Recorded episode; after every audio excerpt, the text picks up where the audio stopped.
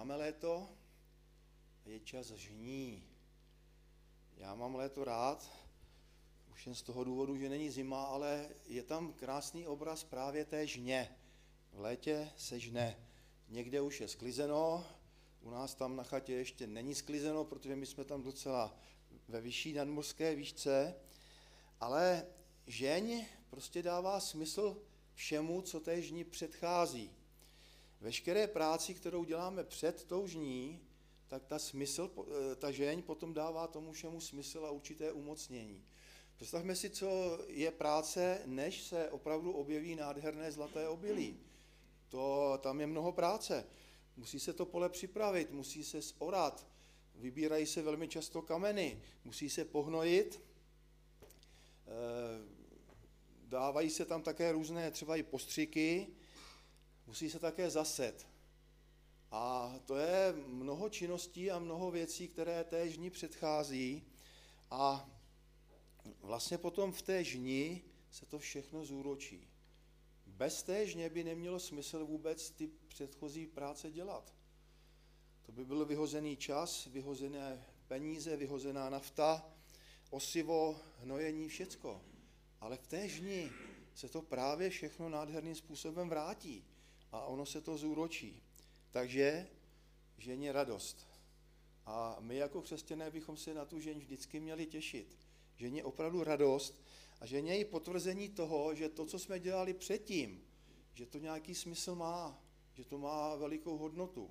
A právě potom v té žní se to všechno vrátí a všechno se to zúročí.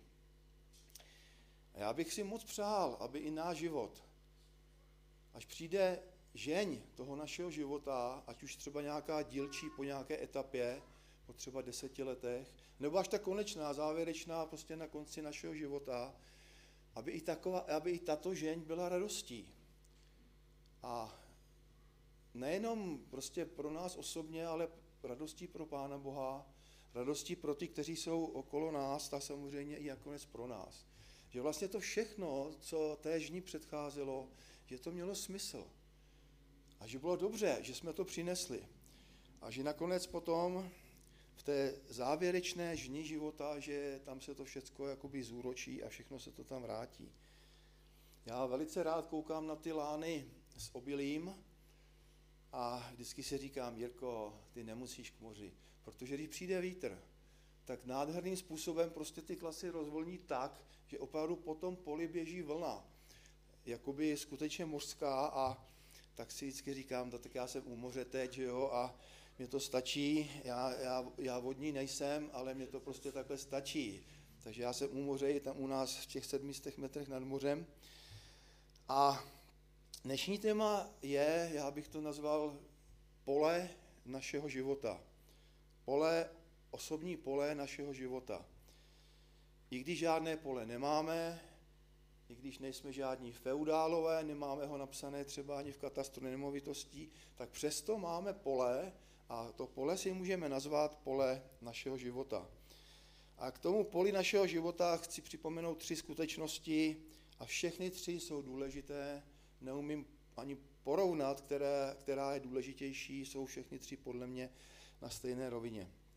Takže ta první skutečnost, jak pracujeme, jak jednáme s tím polem našeho života, je rozsívání. Tedy náš život na to pole našeho života rozsívá. Rozsíváme.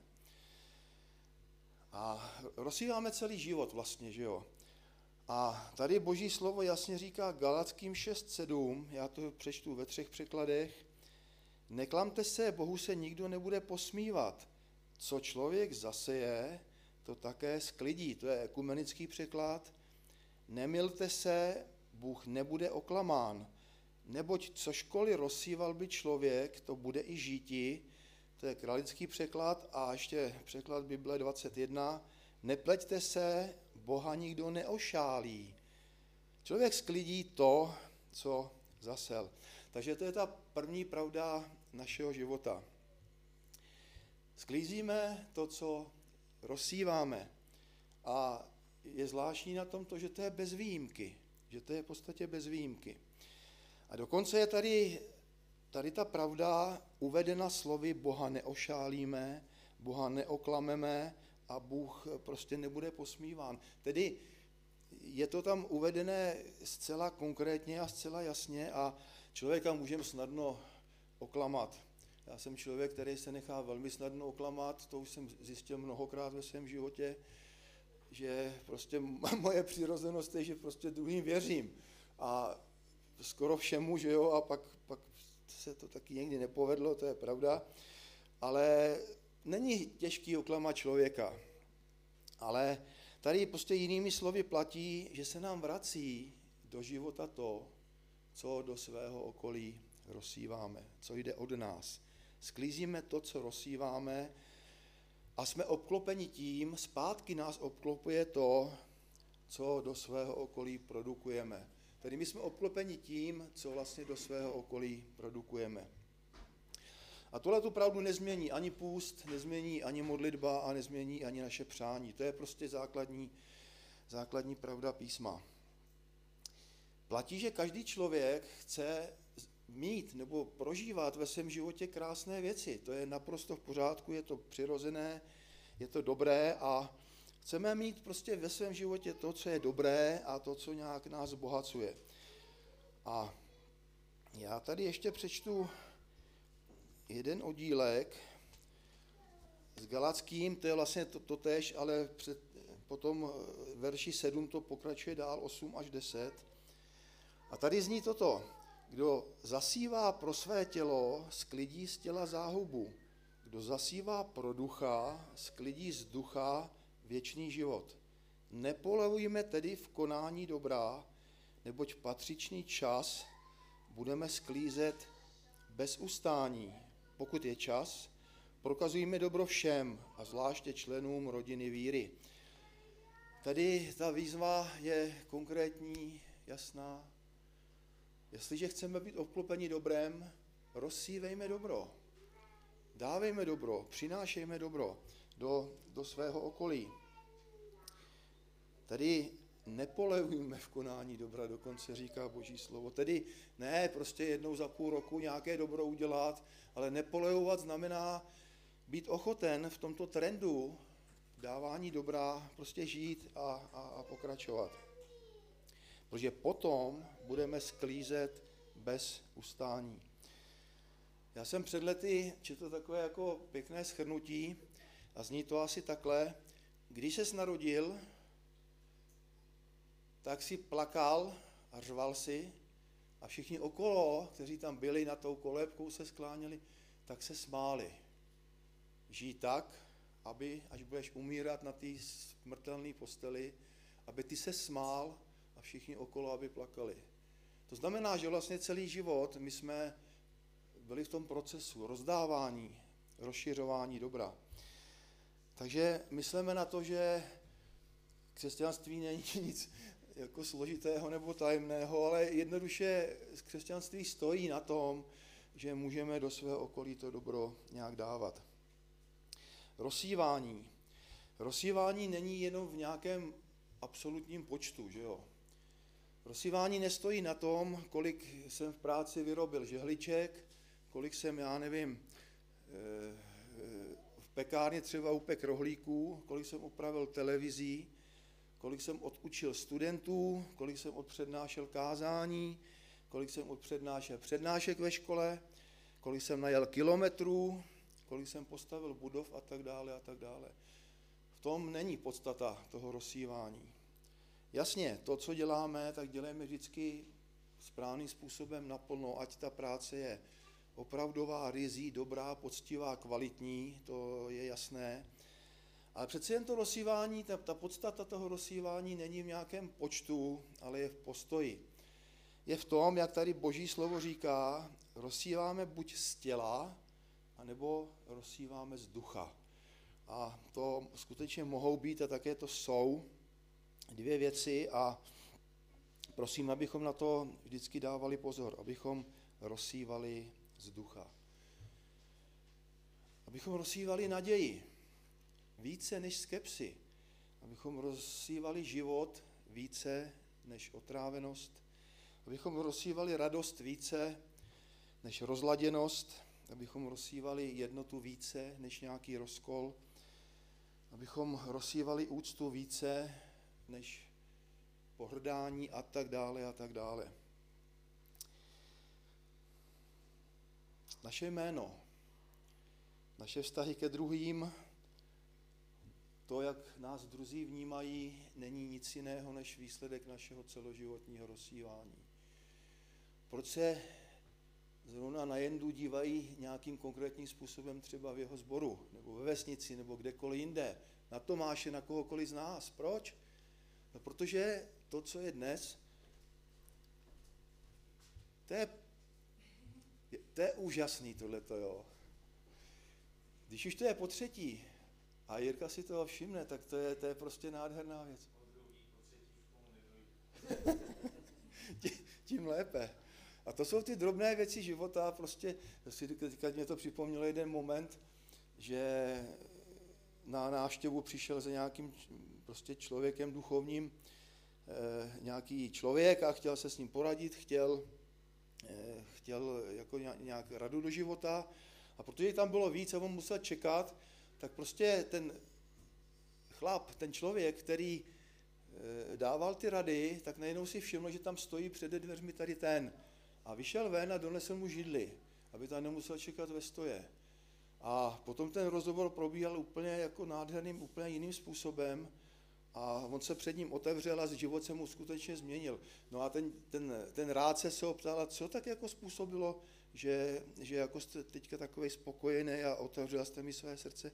No a on odpověděl právě to, jestli mi přines tu židli. Takže nepodceňujeme opravdu maličkosti ve svém životě, protože je to, je to důležité a všechno se to sčítá. Takže všechno to opravdu je výsledkem toho našeho rozsívání. Takže bych si moc přál, aby lidé byli rádi v tom našem okolí. Aby byli rádi, že jsme někam přišli, aby byli rádi, že prostě naším příchodem se rozsvítilo světlo, že přišla naděje, že přišlo něco, co tam do té doby nebylo, že se atmosféra změnila a tak dále. Takže všechno je výsledkem našeho rozsívání a ať je bohaté, ať to naše rozsívání je bohaté. Žeň přijde vždycky. To je další pravda, za chvilku si ji připomeneme. A co rozsíváme? Rozsíváme slova, rozsíváme i skutky a dokonce rozsíváme i třeba výrazy ve tváři, rozsíváme možná i gesta a svým způsobem, ať to není vidět, rozsíváme i ty vnitřní postoje, které nosíme eh, ve svém nitru. I to se dá říct, že jako byť neviditelným způsobem, ale i to rozsíváme. A ani dobré, ani zlé se nestratí. To je fajn, že se nestratí dobré, ale žel se nestratí ani, ani to zlé. Je to skutečně přesně tak, jako když otevřem, rozříznem někde polštář a ty peříčka, která tvoří ten polštář, ty klasické prachové peřiny, se rozletí do celého světa a už není síla, která by je pozbírala a dala je zpátky. Takže skutečně je to tak, že to, co jednou je roseto a už se nedá vrátit, už se to nedá pozbírat. Na druhé straně je nádherná pravda, že ďábel nemůže zabránit a nemůže zničit, když bylo roseté to dobré. To, na, to, na to nemá, aby to udělal. Přesto se snaží škodit, ale on to dělá jiným způsobem, že mezi to dobré nasype nebo naseje to zlé. To je vlastně koukol mezi pšenicí. Do dobrého se snaží dostat aspoň kousek zlého.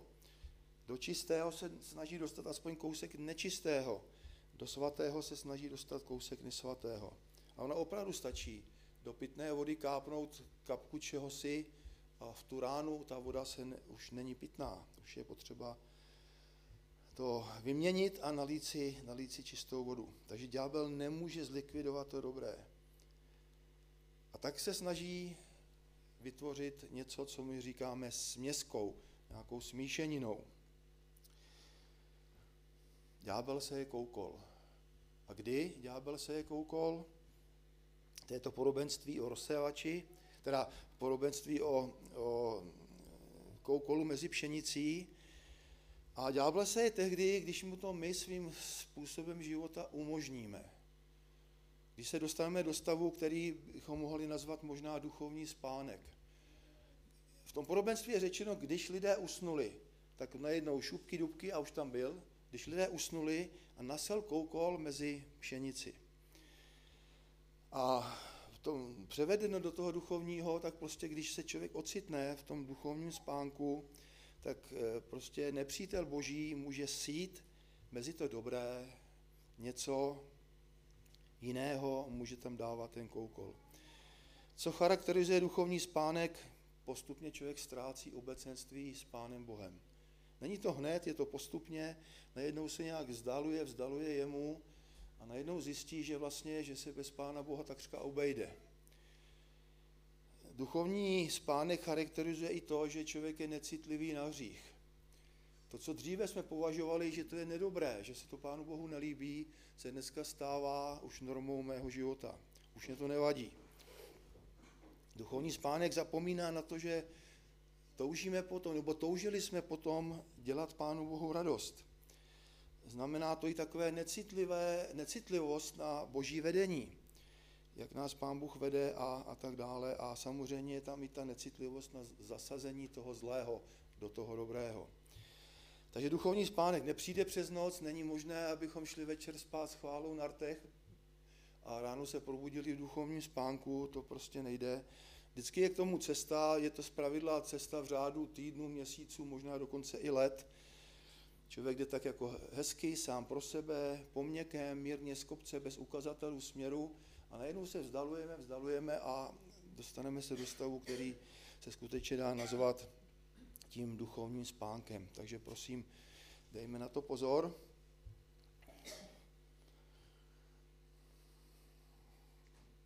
Ta druhá skutečnost je opak toho rozsévání a tedy to je přijímání. Přijímání zase do našeho života. Tak jak my dáváme vlastně něco do svého okolí, tak potom také vlastně je potřeba, abychom i my do svého života přijímali. Tedy přijímání. Tady je právě to podobenství o rozsévači a je to obojí velmi, velmi, velmi důležité, abychom správně rozsívali, ale správně také uměli přijímat. Důležité obojí. Je důležité to, co se rozsívá a stejně tak je důležitá i ta půda, i ta zem, kam to dopadá. Může být nádherné osivo, nádherné slovo, a když narazí na skálu nebo narazí na něco tvrdého, tak i když to slovo je nádherné, je prostě boží a jakoby přichází něco proměnit v lidském životě a narazí-li na tvrdo, tak nepřinese žádný užitek. Na druhou stranu žel platí i to, že když je to slovo smrtonosné, je fakt špatné, může poškodit velice život člověka a padne-li do otevřeného srdce, no tak tam samozřejmě udělá opak toho, co, co si přejeme. To řekl pán Ježíš, myslím, že se to takhle dá jakoby schrnout. On řekl v jeden moment, kdyby kdokoliv pohoršil jednoho z těchto maličkých, kteří ve mně věří, bylo by pro něj lépe, aby mu uvázali na krk mlínský kámen a hodili ho do hlubiny. Tady dokonce, tady je porovnání, že skončit v hlubině je lépe, než prostě pohoršit otevřené srdce, které je připravené něco přijímat. A zanést do tohoto srdce něco špatného. Takže to je taková veliká výzva, abychom opravdu, když je srdce otevřené, abychom byli moudří a dávali tam věci, které jsou dobré. Takže to boží slovo jenom eh, pár vět eh, dělí, dělí nás přijímače slova na čtyři skupiny. Ta první skupina je podél cesty, cesta tvrdá, vyježděná, ptáci i hned se zobávají, užitek žádný. Podstata té první skupiny je tvrdost. Tvrdost. Tvrdost srdce, tvrdost života, taková ta tvrdošínost, že jo, tvrdá šíje, to je prostě šíje tady a když je šíje tvrdá, tak prostě ten člověk není schopen a nechce sklonit svoji hlavu, protože, protože má tvrdou šíji. Tito lidé, dá se říci, že odmítají úplně předem a odmítají všechno, mají přesvědčení o sobě samém a tak dále a tak dále. A tady možná se nás můžeme připomenout jiný výrok Pána Ježíše, Nedávejte svatých věcí psům a neházejte perly prasatům. Čili jsou určité chvíle v životě, když člověk cítí, že jsme před zdí, jsme před, před v nějaké situaci, kdy skutečně tento verš tady může, může platit. Takže tvrdé srdce, uzavřené, samolibé, neprůstřelné. Já se vsadím, že každý z nás to zažil ve svém životě. Snažili jsme se druhým něco předat.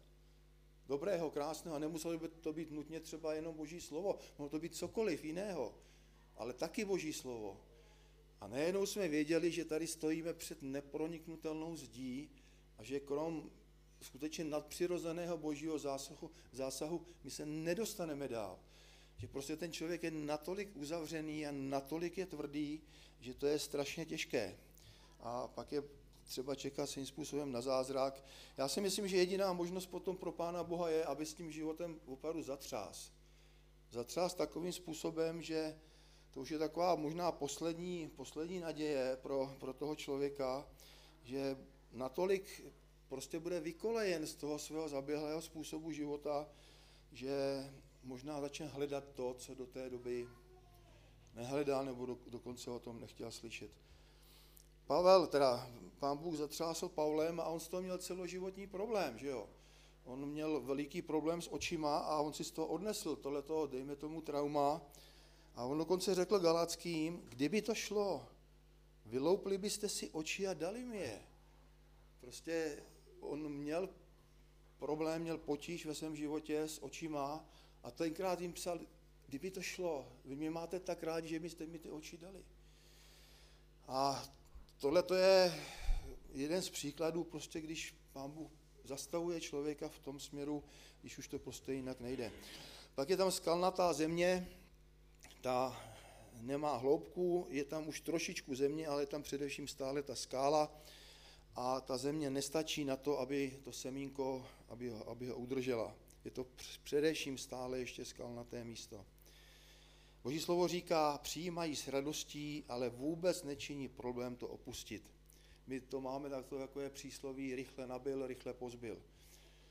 A zase zpočátku je to možná zajímavé, lidé jsou do určité míry až nadšení, ale po čase najednou je tady vyznání, já to není ono, já jsem čekal něco jiného a to asi nebude nic pro mě a tak dále. A v tom podobenství je řečeno, že přichází slunce do toho života. A slunce přichází do každého života, do života každého z nás. Dokonce bych řekl, že ho tam i Pán Bůh posílá. A protože chybí ty kořeny, zakořenění v Kristu, a možná úplně na tom samém začátku chybilo pokání. To znamená opravdu být ochoten změnit, otočit prostě svůj život, tak, eh, tak se ten užitek taky ztrácí. Jo, pomoc, vyslyšení modlitby, aby se mně něco hezkého dělo, to jo. Ale v okamžiku, když křesťanství začne něco stát, a ten den přijde v životě každého z nás, přichází, je možná i opakovaně, ale v okamžiku, když křesťanství začne něco stát, tak rychle nabil a rychle pozbil. Pán Bůh to slunce jednoduše posílá, aby to pole našeho života, aby ho vyplelo, aby ho tak jakoby zkultivovalo, aby ho proměnilo, aby tam bylo jen to, co tam být má a aby bylo spáleno to, co tam být nemá.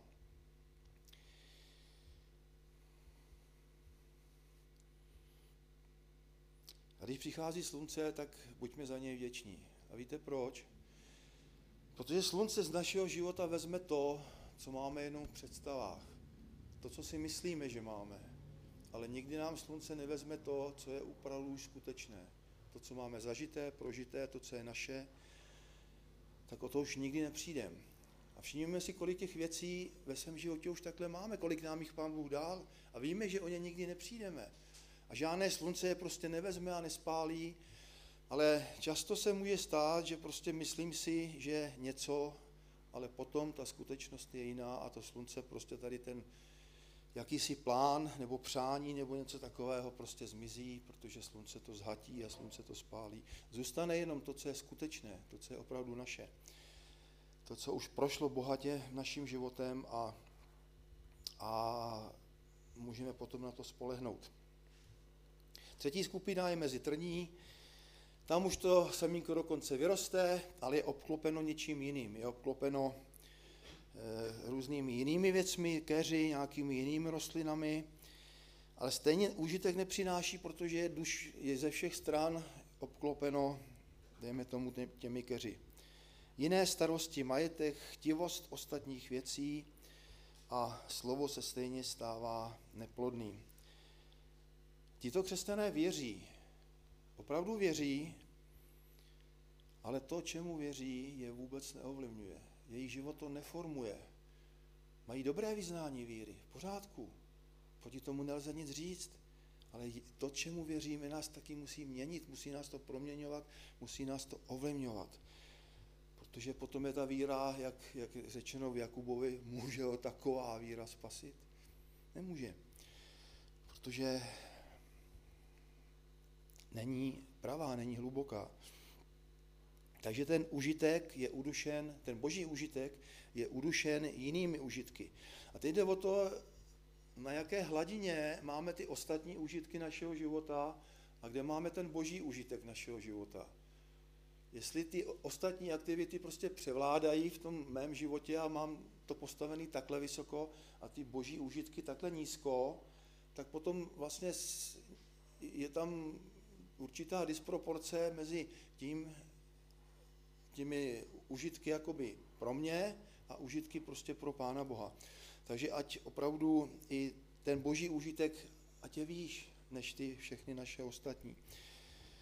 No a ta čtvrtá skupina, tomu si řekneme v tom posledním bodě, je dobrá země, do které přichází výborné, krásné slovo a potom to přináší spojení těchto dvou věcí nádherné nádherné půdy připravené, nádherné otevřeného srdce a výborného, výborného božího slova.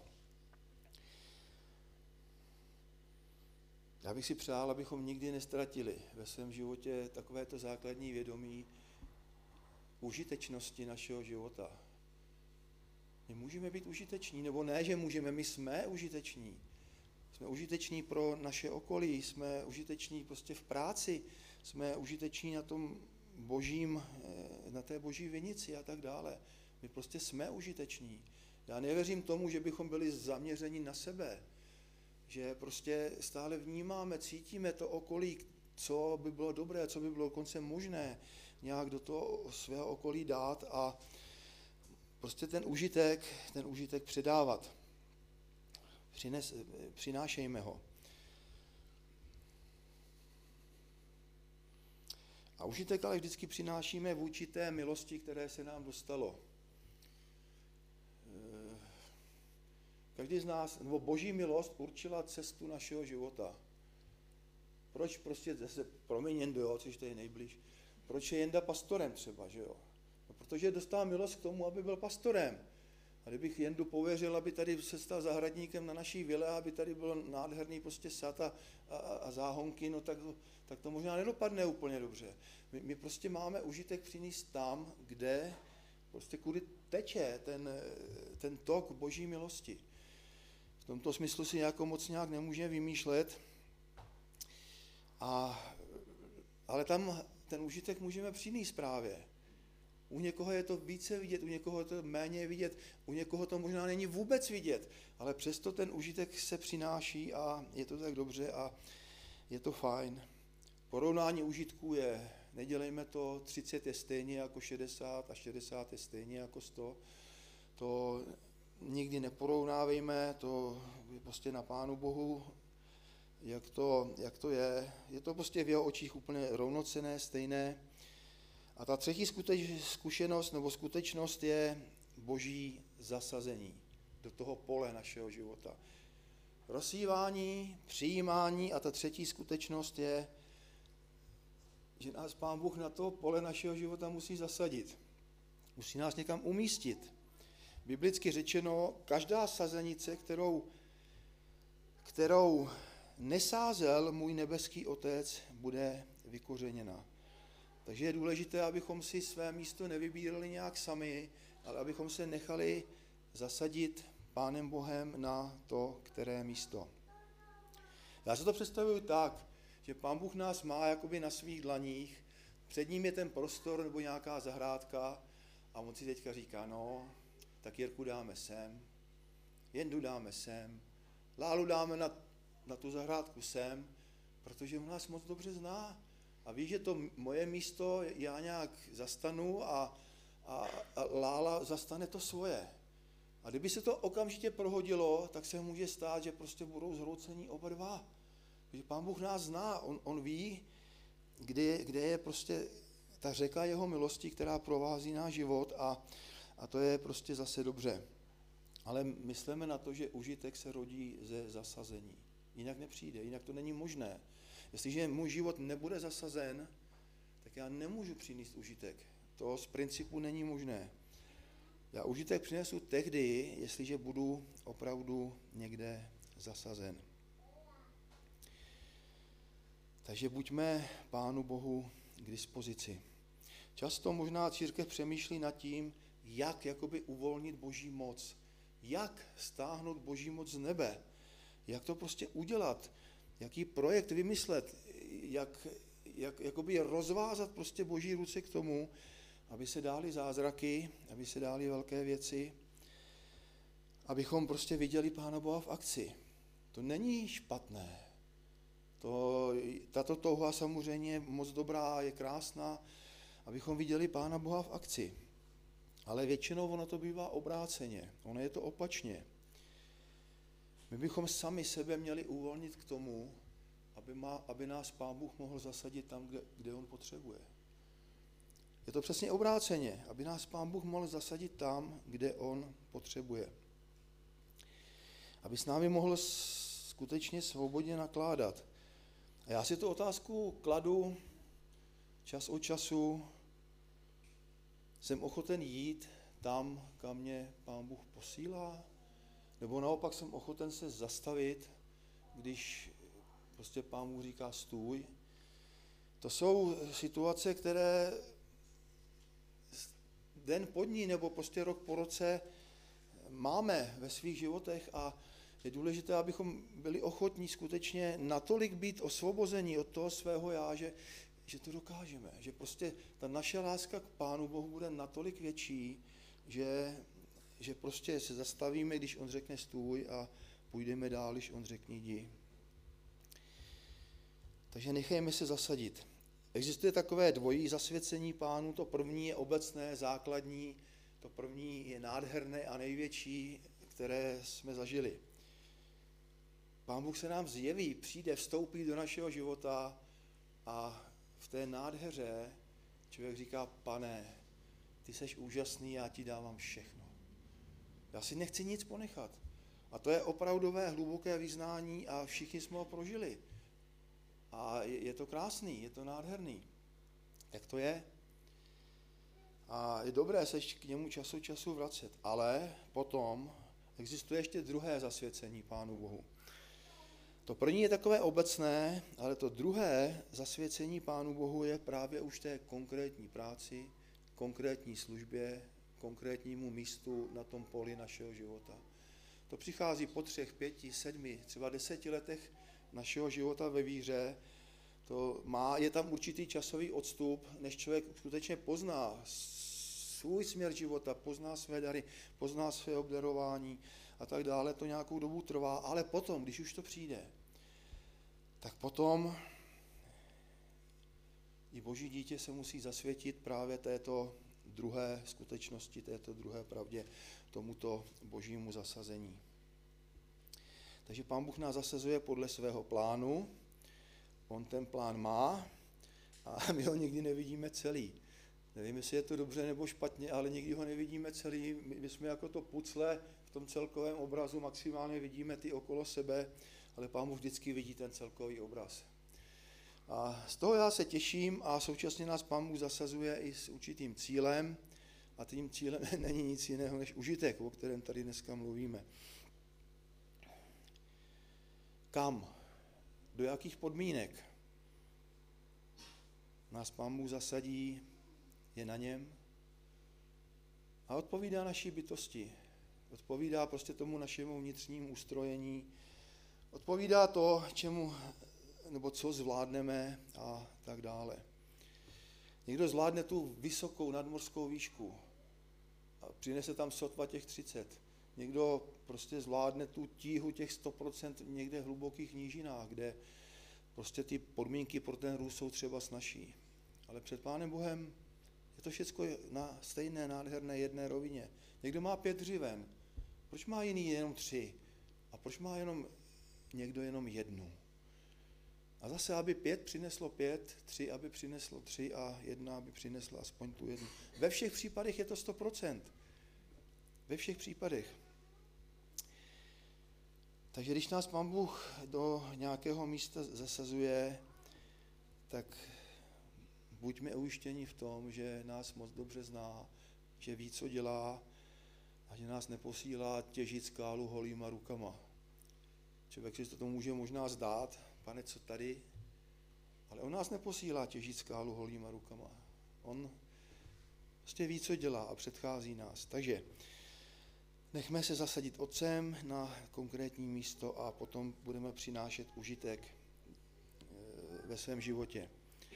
Ale užitek odebírají ti nejbližší, užitek neodebírají bratři v Kanadě, ani v Americe, ani v Austrálii, ba dokonce ani v, ani v ne, ba dokonce kdekoliv jinde ne. Ten užitek odebírají ti, kteří jsou okolo nás, ti nejbližší, že jo? ať už v rodině, ať už prostě v sousedství, nebo, nebo prostě samozřejmě ve společenství a tak dále. Takže to je dobře. Takže je důležité vědět, že jsme zasazeni Bohem, že jsem si to místo jednoduše nevybral sám. Eh.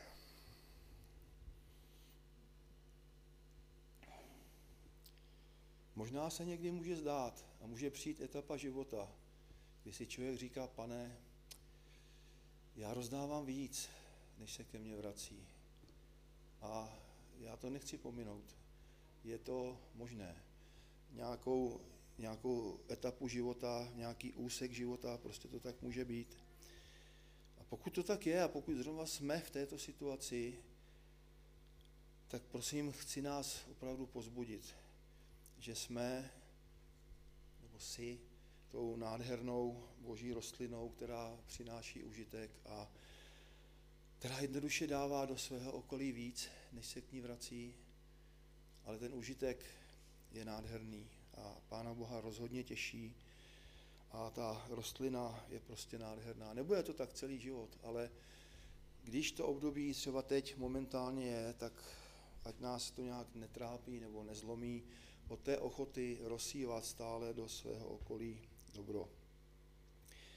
Shrnu to v několika větách. Takže naše pole života, do něj máme rozsívat, ne své nějaké představy, ne své přání, ne svá moudra, ale rozsívat Pána Ježíše Krista, rozsívat prostě Boží slovo, rozsívat to, co je věčné. Současně také do toho pole našeho života přijímat to Boží, do dobré půdy a to třetí nechat se zasadit Otcem, tam, kde On, on to připravil. Takže to byly takové tři, tři trošku pohledy na to pole našeho života a mě to vždycky tak jako naskočí v létě, když to, když to takhle prostě je. A ta žen je nádherná. Já bych si přál, aby, abychom měli krásný vztah ke žní. Nejenom, ne abychom se jí báli, ale abychom prostě věděli, že když ta žen přijde, takže všechno to, co té žní předcházelo, takže bylo dobré. A že se za žádnou, žádnej, žádnou etapu prostě svého života nějak nebudeme chtět skrýt nebo něco podobného, ale abychom si odnesli skutečnost, že prostě až bude žení našeho života, takže to bude radost.